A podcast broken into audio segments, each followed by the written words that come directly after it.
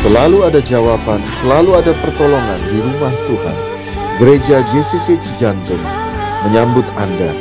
Ingat selalu bahwa Tuhan Yesus juru selamat kita dan masuk ke dalam hati kita sehingga kita menerima keselamatan. Selamat mendengarkan dan menjadi Oke, selamat hari-hari menjelang Natal nih, ucapannya begitu ya biasanya. Kalau menjelang Natal, saya kalau udah bulan Desember kayaknya teduh gitu ya hatinya. Uh, saya akan uh, berikan pelajaran yang berseri nanti yang kedua kita sambung lagi. Um, saya suka dengan backstory. Backstory itu berarti cerita di belakang sebuah cerita gitu ya. Dan dan uh, ketika itu dipelajari itu menjadi luar biasa. Karena Yohanes mengatakan nggak bisa semuanya dituangkan di dalam Alkitab kita karena nggak ada ruangnya. Jadi uh, kalau kita pelajari sejarah, bahasa asli dan lain sebagainya, kita mengerti narasi-narasi yang diucapkan atau yang ditulis sama penulis-penulis yang menuliskan kitab-kitab yang kita baca. Dan uh, secara sistematis teologi itu luar biasa karena Alkitab kita ditulis dalam jangka waktu kira-kira 1400 tahun di tempat yang berbeda-beda oleh orang yang berbeda-beda dalam waktu yang berbeda-beda semuanya nyambung. Itu dahsyat. Itu luar biasa. Itu betul-betul dari Tuhan. Saya akan angkat uh, kisah orang Majus, the Magis, orang yang sangat pandai, the backstory of the Magis. Apa yang terjadi dengan mereka? Dan uh, Majus ini hanya di, dibahas hanya di Kitab Matius, dan informasi tentang mereka ini memang sangat sedikit, gitu ya. Untuk semua ketua drama yang ada pada saat ini, uh, take notes, um, karena ada beberapa koreksi yang akan terjadi mungkin. Mungkin udah tahu juga, tapi mungkin belum tahu. Oke?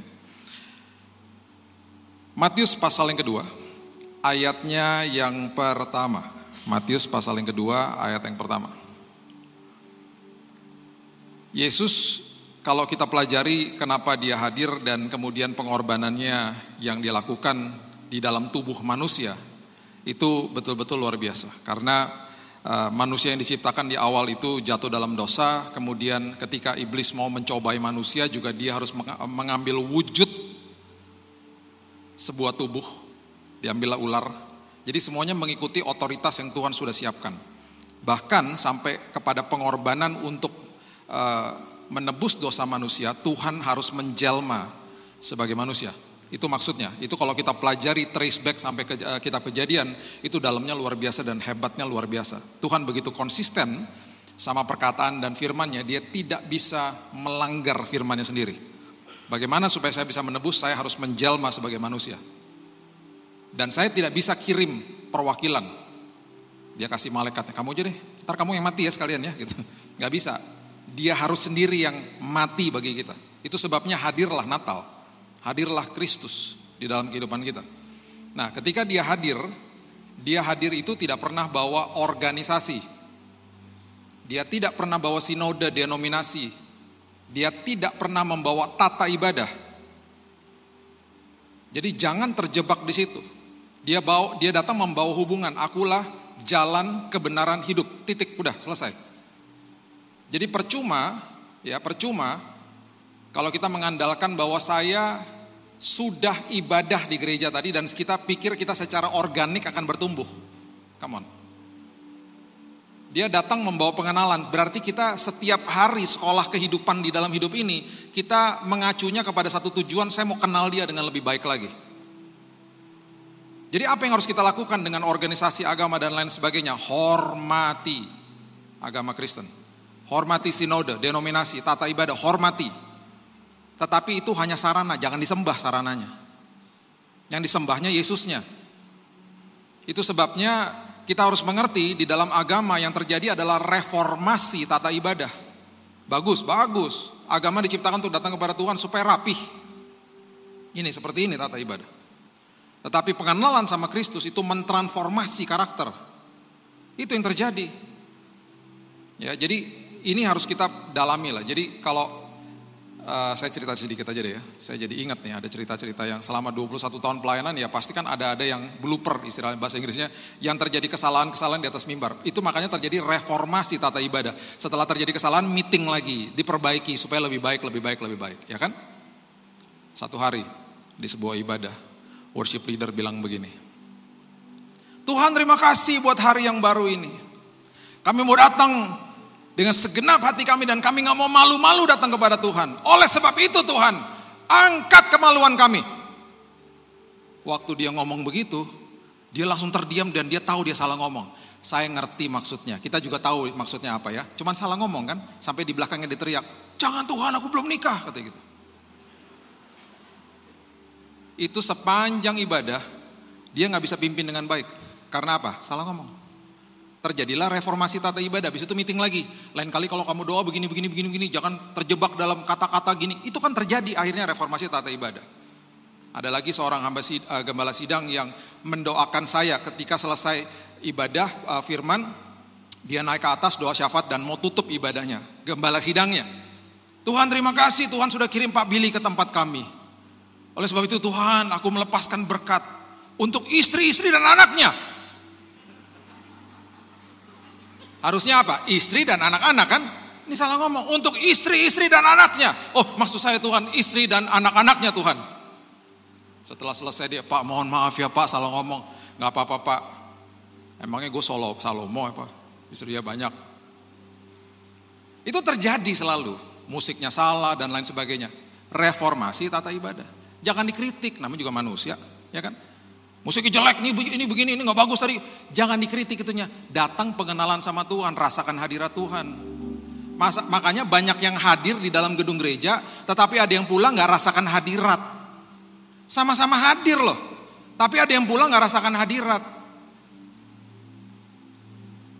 Kita di sini semuanya pasti pulang rasakan countenance hadiratnya Tuhan. Amin. Kita kita mengalami Tuhan. Orang majus, ya dikatakan di Matius 2 ayat yang pertama dikatakan begini. Sesudah Yesus dilahirkan di Bethlehem di tanah Yudea pada zaman Raja Herodes, datanglah orang-orang Majus dari timur ke Yerusalem. Kalau kita ambil timur daripada Yerusalem, itu ada Bani Moab sama Bani Amon. Nggak mungkin dari situ. Bani Moab sama Bani Amon adalah Bani yang lahir dari inses. Ketika mereka berperang, khususnya ketika mereka berhadapan dengan Yosafat, itu sampai rakyatnya ketakutan karena ketika mereka bertempur bukan sekedar serdadu yang dibunuh, keluarganya juga dibunuh. Makanya istri dan anak-anak mereka berseru kepada Tuhan di dua Tawari 20. Jadi nggak mungkin dari situ. Karena dikatakan the Magis orang Majus ini, the wise men, the kings ini adalah orang-orang yang merupakan raja, kaya, pandai, berhikmat, dan beradab Nah kalau kita tarik lebih jauh lagi, itu ada yang namanya Babel sama Persia, yang sekarang adalah Irak dan Iran. Oke lah kita ambil dari situ deh, yang paling dekat. Dan memang ada kemungkinan besar dari situ. Mereka adalah raja-raja yang begitu kaya pada saat itu. Nah, jarak dari antara Babel dengan Persia sampai ke Yerusalem itu 2200 kilo. Jadi mereka nggak sembarangan mereka nggak sembarangan tiba-tiba nongol aja di Yerusalem begitu. Kenapa? Nggak ada pesawat. Nggak ada jalan tol. Pak Jokowi nggak ada di situ. Saya masih kagum sampai hari ini kalau lihat jalan tol di Indonesia. Kita punya presiden yang luar biasa. Tiba-tiba dalam sekejap jalan tol di mana-mana Indonesia terhubung di mana-mana. Dulu nggak ada jalan tol. Jadi ketika firman Tuhan mengatakan mereka datang untuk menyembah Dia, ya itu betul-betul luar biasa. Untuk ketua drama koreksi yang pertama, orang majus nggak pernah dikatakan yang datang cuma tiga. Nggak pernah. Hadiahnya tiga. Orang majusnya nggak pernah dibilang tiga. Nah, waktu mereka mau datang, ya kan mereka datang beberapa nih ya. Ini kan terjadi di antara kerajaan-kerajaan di sekitar situ. Ini saya kasih tahu backgroundnya ketika kita pelajari sejarah pada saat itu. Raja pada saat itu ketika mengadakan kunjungan ke kerajaan yang lain, dia akan selalu membawa hadiah. Jadi ketika mereka membawa hadiah kepada Yesus itu udah biasa.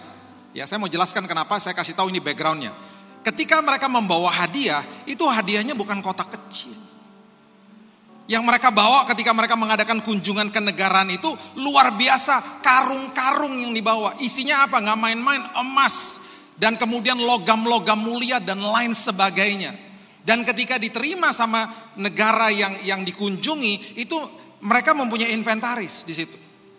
Jadi raja-raja itu ketika datang di inventaris semuanya yang pemberiannya, ketika ada kunjungan balasan, raja yang mengunjungi raja yang pernah mengunjungi dia akan selalu memberi lebih banyak daripada apa yang dia pernah terima dari temannya. Itu istilahnya hedonisme pada saat itu. Gengsinya gitulah lu ngasih gue 10 juta, gue balik nanti kalau gue ke tempat lu gue kasih lu 20 juta. Gitulah kira-kira. Makanya ada inventaris. Makanya dia akan nanya, eh dulu waktu si Raja A ke sini dia bawa apa aja? Oh dia bawa ini raja gini gini gini gini gini. Oke kita sekarang bawa lebih banyak. Gitu. Dan pastikan jangan barangnya dia yang kita udah terima kita bawa lagi ke sana. Karena itu didata semuanya. Itu ada gudangnya di sana. Itu adalah atribut dan kemuliaan mereka pada saat itu.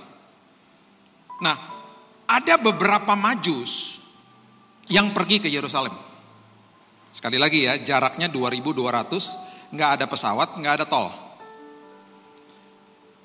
Saya kasih analoginya begini. Jarak antara Jakarta Surabaya itu sekitar 800 sampai 900 kilo. Kalau kita naik pesawat, flying time-nya satu jam 7 menit. Dengan boarding segala macam satu setengah jam lah nyampe. Kita bisa ajak temen Mau berangkat siang, pagi kita udah ajak. Eh, ke Surabaya yuk. Ngapain? Ya sebentar gue ada meeting atau enggak sebentar kita mau makan kuliner, tar sore balik lagi. Banyak tiket murah, yuk. Bisa berangkat. Karena apa? Mudah. Pada saat itu nggak segampang itu. Saya baru pulang dari Bali kemarin. Saya ajak pertama kali selama pandemi, saya ajak mama saya yang umurnya 78 tahun pergi berlibur. Itu pun aman, kita nggak tinggal di hotel, ada teman yang kasih villa, kita tinggal sendiri di situ. Sebelum saya pergi, saya ajak teman baik saya nanti ke ibadah kedua dia ke sini. Saya, saya ajak dia namanya Yosi. Saya bilang, Yos, gue mau ke Bali. Berapa hari, eh, berapa hari lagi? Ikut yuk. Segampang itu, yuk yuk yuk. Sama, kita ke mana-mana kita bisa seperti itu. Kita bisa ngajak orang mudah. Orang majus nggak bisa. Main datang aja ketemu sama temennya ketika ada ada, ada kunjungan-kunjungan terus mereka bilang gini, eh ke Yerusalem yuk Jaraknya 2200. Eh lucu juga tuh. Yuk yuk yuk yuk berangkat yuk besok. Gak bisa. Gak ada pesawat. Gak ada tol. Tahu berapa lama dari dari negara mereka sampai Yerusalem? 30 hari. Dan naik ontak. Tahu nggak ketika mereka mau berjalan, ketika mereka mau menyiapkan hadiah-hadiah itu dan menyiapkan semua logistiknya, satu bulan juga. Dan satu raja, satu orang majus itu biasanya kalau traveling ajudannya 40. Ada yang in charge buat bawa kemah, ada yang in charge buat bawa, bawa makanan ternaknya, ada yang in charge buat bawa, bawa makanan buat rajanya, buat mereka juga. Ada juga grup yang in charge buat bawa hadiahnya. 40. Ribet Jadi nggak sembarang itu. Makanya dikatakan mereka melihat bintang itu maksudnya mereka mengalami sebuah perjumpaan dengan Tuhan di timur sana. Sampai-sampai mereka mau hadir ke Yerusalem. Terus bagaimana caranya mereka ngajak temannya? Ini pasti begini kejadiannya nih. Pasti begini kejadiannya. Mereka lagi berkunjung nih ke rumah ke, ke, ke kerajaan temannya misalnya. Tiba-tiba mereka lagi ngopi-ngopi mungkin gitu ya, terus mereka ngomong sore-sore. Bro, gue kemarin ya lagi mimpi terjadi sesuatu yang wow real banget loh bro. Tapi jangan diketawain ya. Gue ngeliat bintang. Gue ngeliat sebuah penglihatan. Dan gue rasanya kayaknya hati gue teduh banget. Gue kayak ngerasain Tuhan dalam hidup gue. Tapi lucunya gini bro, masa gue kayak rasa gue harus ke Yerusalem ketemuin dia. Aneh bro. Dia belum ada niat tuh berangkat karena dia lagi menceritakan pengalaman dia. Tiba-tiba dia pas lagi cerita, temennya itu raja yang yang lainnya lagi, yang lagi sedang dikunjungi ngomong gini. Serius loh, gue juga tadi malam. Gue gak berani ngomong. Karena dipikirnya kalau orang dengar kayak bodoh banget gitu. Secara ke Yerusalem 2000 kilo bro. Lu juga? Gue juga. Ih gila ya. Lu gimana rasanya? Gue rasa damai banget. Gue pengen banget ketemu dia. Dan yang dikunjungi masih bayi. Calon raja bangsa Yahudi. Terus mereka mungkin pergi lagi ke teman berikutnya. Terus mereka bilang gini, eh lu tahu nggak? Gue berdua dapat mimpi. Lu serius loh. Kapan? Tiga hari lalu. Gue juga bro. Gue sampai istri gue bilang gue gila. Aduh gue seneng banget. Gila lo. Lu juga? Iya. Yuk berangkat yuk. Serius lu, yuk berangkat yuk. Persiapan sebulan mereka berangkat. Itu yang terjadi di timur. Karena mereka berjumpa dengan Tuhan. Gak sembarangan, gak sembarangan ngajak orang pergi. Gak seperti sekarang. Lewatin padang gurun dan belum ada trail blazing. Trail blazing itu berarti ada, orang yang pernah lewatin, mereka ikutin setapaknya gak nyari jalan. Dan waktu mereka sampai di sana, dikatakan begini sama Alkitab. By the way, ketua drama ingat, kalau tadi satu orang maju 40, kita taruhlah, kita taruhlah ya, uh, orang maju tiga nggak apa-apa deh, gitu, tiga yang pergi. Kalau satu orang maju ajudan 40, berarti ada berapa di atas panggung sini? 100?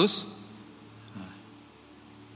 Saya waktu ngomong gini sama sebuah gereja, mereka, Pak nanti sinnya orang maju pas Natal dibatalkan Pak, kenapa? Karena bajunya mahal Pak. Tiga orang maju saja mahal, 120 orang yang mahal, tekor ntar gerejanya. Gak jadi. 120 kalau mau buat drama majus di atas ini. Perhatikan ayat berikut ini. Ketika Raja Herodes, ayat 3 ya, mendengar hal itu, terkejutlah ia beserta seluruh Yerusalem. Dia terkejut dan kenapa dikatakan terkejut seluruh Yerusalem? Karena pasti diumumkan ini ada orang dari timur datang karena mereka pasti menarik perhatian orang kaya semua datang pakai ontak. Wah pokoknya hebat lah datangnya. Ini ada orang-orang datang. Ada yang tahu nggak? Ada bayi yang lahir calon raja. Terkejutlah mereka, nggak ada yang tahu. Apa yang terjadi? Dipanggil ahli-ahli Taurat. Ayat berikutnya dikatakan begini. Maka dikumpulkannya semua imam kepala ahli Taurat bangsa Yahudi lalu diminta keterangan dari mereka di mana Mesias akan dilahirkan. Dipanggil sama Herodes. Ahli-ahli Taurat yang bacaannya apa? perjanjian lama kita. Ada 300 nubuatan di situ. Dengan kata lain dikatakan kepada mereka dikatakan begini, kamu sekarang cari nubuatan-nubuatan di Taurat di perjanjian lama kita itu ada nggak yang mengacu kepada hari-hari ini di mana ada seorang bayi lahir? Coba kamu cari di gulungan-gulungan kitab itu. Jadi waktu Herodes lagi mengatakan itu kepada ahli-ahli Taurat, ini kan 120 rombongan ini kan nunggu. Kan ada kemungkinan ajudan-ajudannya ngomong begini satu sama yang lain. Ini si bos gila juga ya kita diajak sampai sebulan bro dikasih ini capek juga kita. Udah gitu dia gak, gak yakin lagi yang lahir siapa kita juga nggak tahu kita mau ke mana nih. Ada kemungkinan di sana Herodes mereka dikasih kopi sama pisang goreng. Mereka bilang, ntar dulu deh, nervous gue. Nungguin itu dulu deh, alih-alih Taurat dengan dengan berita dulu. Gue ke sini jauh-jauh. Belum tentu juga ada bayi yang lahir.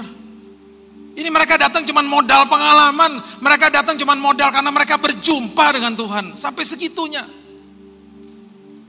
Itu pasti momen yang paling nervous ketika ahli-ahli Taurat lagi buka gulungan-gulungan kitab di sebuah ruangan di istana Herodes. Dan apa yang terjadi? Mereka ketemu nubuatan itu. Mereka katakan begini. Matius pasal yang kelima, ayat yang kelima sampai ayat yang keenam dikatakan begini. Mereka berkata kepadanya, pasti mereka katakan, Raja, kami ketemu Raja, kami ketemu, betul Raja, dikatakan begini. Tertulisnya di Mika pasal yang kelima, ayat yang kedua, ada di Alkitab itu. Mereka kutip begini, mereka berkata kepadanya di Bethlehem di tanah Yudea karena demikian ada tertulis dalam kitab Nabi. Nabi siapa? Nabi Mika. Ada di Mika kita. Dan engkau Bethlehem tanah Yehuda engkau sekali-sekali bukanlah yang terkecil di antara mereka yang memerintah Yehuda karena daripada mula akan bangkit seorang pemimpin yang akan mengembalakan umatku Israel. Coba lihat Mika pasal yang kelima ayat yang kedua, sama. Coba buka kitab Mika pasal yang kelima ayat yang kedua. Tetapi engkau hai Bethlehem Efrata, hai yang terkecil di antara kaum-kaum Yehuda, daripadamu akan bangkit bagiku seorang yang akan memerintah Israel yang permulaannya sudah sejak kala, sejak dahulu kala. Mereka ketemu bisa bayangin gak 120 orang berteriak-teriak, bersorak-sorak pada peluk-pelukan. Yes, yes. Gitu. Raja Herodes, Bethlehem di mana? 9 kilo dari sini. Lo ada mobil? Kalau ada mobil 15 menit. Enggak ada lah, ontak gue bawanya. Ya, setengah hari nyampe lah sampai sana. Saya pernah bawa mobil dari situ ke Bethlehem, Yerusalem. 15 menit nyampe. 9 kilo cuman. Dan mereka keluar. Sebelum mereka keluar ayat 7 dikatakan, diam-diam Herodes memanggil orang-orang majus dan dengan teliti bertanya kepada mereka bila mana bintang itu nampak. Ya, kemudian ia menyuruh mereka ke Bethlehem, katanya pergi selidiki dengan seksama hal-hal mengenai anak itu dan segera sesudah kamu menemukan kabarkan kepadaku supaya aku pun datang menyembah dia. Kita sudah tahu Herodes mau membunuh Yesus karena dia merasa terancam sebagai raja. Ayatnya yang ke-10, ayat yang ke-9 maksud saya, setelah mendengar kata-kata raja itu berangkatlah mereka. Lihatlah bintang yang mereka lihat di timur mendahului mereka hingga tiba di atas berhenti di atas tempat di mana anak itu berada. Mereka lihat lagi bintang itu. Jadi ketua drama bintang itu nggak pernah ngikutin mereka dari timur sampai ke Yerusalem nggak. Bintangnya nongol lagi pas udah di Herodes. Udah cuman majusnya cuman tiga, bintangnya ngikut. Salah banget. Bintangnya nggak ngikut, bintangnya keluar lagi di tempat Raja Herodes. Ketika mereka melihat bintang itu sangat bersuka cita lah mereka. Karena lihat lagi. Ada konfirmasi lagi. Ayat 11. Maka masuklah mereka ke dalam apa? Setelah mereka sampai. Rumah itu dan melihat apa? Anak itu bersama Maria ibunya lalu sujud menyembah dia. Mereka pun membuka tempat harta bendanya dan mempersembahkan persembahan-persembahan kepadanya yaitu emas, kemenyan dan mur. Orang majus catat ini tidak pernah kepalungan orang majus ke rumah. Jadi jangan buat drama orang majus ketemu sama gembala di palungan. Biasanya gembala udah datang duluan, orang majus sudah datang. Woi, apa kabar lo? Gak ada, orang majus gak pernah ke palungan. Orang majus gak pernah ketemu gembala di palungan juga. Dan orang majus pergi ke rumah dan dikatakan Yesus sudah jadi anak, bukan bayi lagi. Yusufnya gak ada loh. Berarti ini sudah hari-hari biasa. Yusuf udah mungkin balik kerja. Lagi ngojek lagi dia mungkin. Lagi ada orderan GoFood. Yusuf nggak ada. Yusuf lagi kerja. Dan waktu mereka sampai ke kota itu, itu pasti gemerincing karena apa? Karena karung demi karung, nggak ada. Biasanya kan iya, kalau kalau kalau drama Natal, majusnya bawa kotak-kotak kecil gini kan, emas, kemenyan dan mur. Udah cuma tiga, bintang yang ikut terus, salah semua tuh. Udah gitu kadonya begini lagi, bukan karung. Karung emas kemenyan dan mur karung. Kita sudah tahu akhirnya mereka tidak kembali menemui Herodes. Dan dikatakan begini. Ayat 12, ayat terakhir. Karena diperingatkan dalam mimpi, makin tajam ya pengenalan sama Tuhan. Waktu di timur mereka lihat bintang, kemudian mereka saling konformasi, mereka berjumpa dengan Tuhan. Sekarang mereka berjumpa sendiri dengan Yesus. Dan akhirnya mereka begitu tajam pewahyuannya sampai-sampai ketika mereka diperingatkan dalam mimpi mereka udah tahu, mereka sudah biasa mendengar suara Tuhan akhirnya di sini. Supaya jangan kembali ke Herodes, mereka pulang ke negaranya, ke ne mereka ke negerinya melalui jalan lain. Pertanyaan saya, setelah Yesus dewasa, ada nggak di Alkitab yang mendokumentasikan Yesus mengadakan kunjungan balasan kepada dia, kepada mereka itu, membawa hadiah lebih banyak daripada yang pernah mereka bawa kepada Yesus? Kan raja sama raja. Yang tadi saya katakan di awal. Kalau ada kunjungan balasan pastikan dikasihnya lebih. Gak pernah. Orang majus berjumpa dengan Tuhan. Orang majus hidupnya diubahkan Tuhan. Mereka tidak lagi, saya percaya mereka tidak lagi mempunyai mentalitas transaksional dengan Tuhan. Mereka kasih, mereka kasih. Sudahkah kita kenalan sama pencipta kita. Atau kita hanya kenal dengan dia lewat hanya lewat tata ibadah aja. Gak pernah punya mesbah dalam hidup ini sendiri dengan dia. Ingat loh, dia hadir membawa hubungan. Kita udah kenal gak sama dia? Saya akan tutup ada lima menit terakhir. Saya akan tutup dengan ini. Ini analoginya. Yesus katakan kepada Thomas, akulah jalan, kebenaran, dan hidup.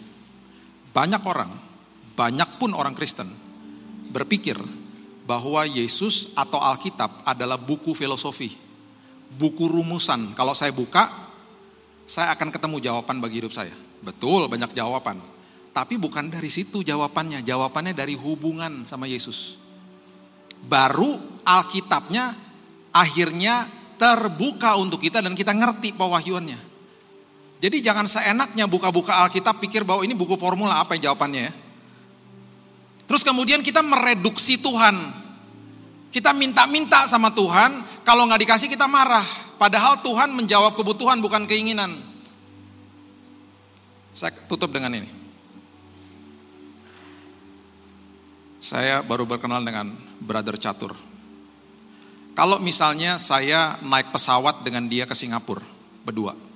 Ketemu di pesawat, duduk berdampingan. Bro, kayaknya pernah lihat deh, di mana ya? Jess, oh Jess, oh iya iya apa kabar gitu kan ngobrol-ngobrol-ngobrol. Sampai ke Singapura dari Jakarta satu setengah jam lah. Kepotong tidur, kepotong makan mungkin di pesawat. Ngobrol-ngobrol-ngobrol-ngobrol sampai di Singapura. Bro, ini dong minta nomor HP dong saling kasih nomor HP. Nanti kalau di Jakarta kalau ketemu kontak-kontak ya, ngopi-ngopi ya, oke, dah pisah. Satu hari, saya ketemu dengan beliau di Plaza Indonesia misalnya. Bro, bro catur ingat gak? Gue Billy botak Garuda Singapura. Oh iya, apa kabar? Oh, ketemu-ketemu ngobrol-ngobrol. Biasa kan kita kan? Saya lagi sama istri saya. Habis ngobrol-ngobrol-ngobrol, pisah, saya bilang sama istri saya, itu bro catur. Aku kenal sama dia. Betul gak? Kenal, statusnya apa? Kenal. Pernah duduk bareng di pesawat. Sekarang bayangin, kalau saya sama beliau, jalan kaki, sama seperti Majus, jalan kaki ke Singapura. Nyampainya sebulan, budget terbatas. Yang kita bawa apa? Tenda di dalam ransel. Karena nggak bisa tinggal di hotel, budget terbatas. Indomie, kornet, pisang, bekal. Jalan kaki lihat mana? Masuk tol, arah Merak sana, jalan tuh. Nyebrangin Selat Sunda sampai ke Lampung, Jalan kaki sampai ke atas Pekanbaru, nyebrangin pulau-pulau sampai ke Singapura akhirnya. Yang nggak tahu geografi bingung, apaan sih tuh? Di hari pertama, ketika saya baru jalan sama dia, saya kenalan juga dong, kan kenalan hari pertama. Di hari kedua, udah 24 jam sama-sama, saya nggak mungkin nanya namanya lagi. Bro, uh, namanya siapa kemarin? Lupa gue. Maaf bro, karena gue botak jadi nguap semua nih memori nih. Gak mungkin hari kedua, hari ketiga kita udah ngelewati suka dan duka sama-sama. Kita ngelewati hujan banjir panas sama-sama. Kita ngelewati ketika Indomie tinggal satu bagi berdua sama-sama. Kita ngelewati malam demi malam tidur di tenda. Dan saya tahu akhirnya kita sama-sama tahu yang ngoroknya yang lebih keras siapa. Betul dong? Akhirnya apa? Selama 30 hari perjalanan itu kita saling berbicara dan kita saling bertukar informasi. Pergumulan masa lalu, pergumulan hari ini, harapan masa depan sama dia. Ketika sudah sampai di Singapura dan saya hadir kembali di sini, saya nggak mungkin bilang begini. Ini kenalan saya bukan. Saya akan bilang gini, Bapak Ibu, Brother Catur adalah sahabat baru saya. Karena saya jalan kaki sama dia, 30 hari lewatin suka dan duka sama dia. Yesus katakan aku adalah jalan, kebenaran, dan hidup. Banyak orang mau mengerti tentang kehidupan dan kebenaran, tapi bilang begini, pakai jalannya saya Tuhan. Enak aja. Kalau kamu mengerti tentang kehidupan dan kebenaran, aku jalannya. Tapi aku lebih suka naik pesawat Tuhan, kan lebih cepat. Aku nggak akan pernah ajak kamu naik pesawat. Aku nggak suka yang cepat-cepat. Kamu jalan sama saya. Seringkali jalan dia nggak enak. Jalan kaki sama saya. Jalan sama dia. Kita akan berteriak, kenapa? Ada lembah kekelaman tiba-tiba. Tuhan, lembahnya gelap banget Tuhan tenang, kan sama saya jalannya. Udah pegang tangan saya. Lewatin lembah kekelaman. Setelah selesai kita berteriak lagi. Tuhan terowongan gelap Tuhan ujungnya aja nggak kelihatan. Tenang kan jalan sama saya. Ribet amat sih jadi apa. Itu kalau saya, kalau Tuhan nggak mungkin gitu. Ketika udah selesai semuanya, dia akan colek kita. Coba kamu lihat ke belakang. Kita akan terkagum-kagum. Wow, kok bisa ya Tuhan aku lewatin semuanya itu? Tuhan bilang apa? Kan sama saya jalannya. Kan sama saya. Setelah perjalanan proses itu selesai, kita akan bilang gini sama Tuhan. Terima kasih Tuhan. Aku kenal engkau dengan lebih baik lagi sekarang. Tuhan mengenal kita 100% karena dia Allah Elohim, Allah pencipta. Pertanyaannya kita kenal gak sama dia? Makanya ada perjalanan iman, ada perjalanan proses. Ketika itu terjadi bilang gini, terima kasih Tuhan. Aku lagi di proses untuk mengenal engkau dengan lebih baik lagi. Karena dia mau kita mengerti tentang kebenaran, dia mau kita mengerti tentang kehidupan, pakai jalannya dia. Makanya dia katakan, akulah jalan, kebenaran, dan hidup. Itu yang terjadi sama The Magis, sama orang majus. Dan saya harapkan itu yang terjadi sama kita semuanya di tempat ini. Berikan tepuk tangan kita untuk Tuhan kita.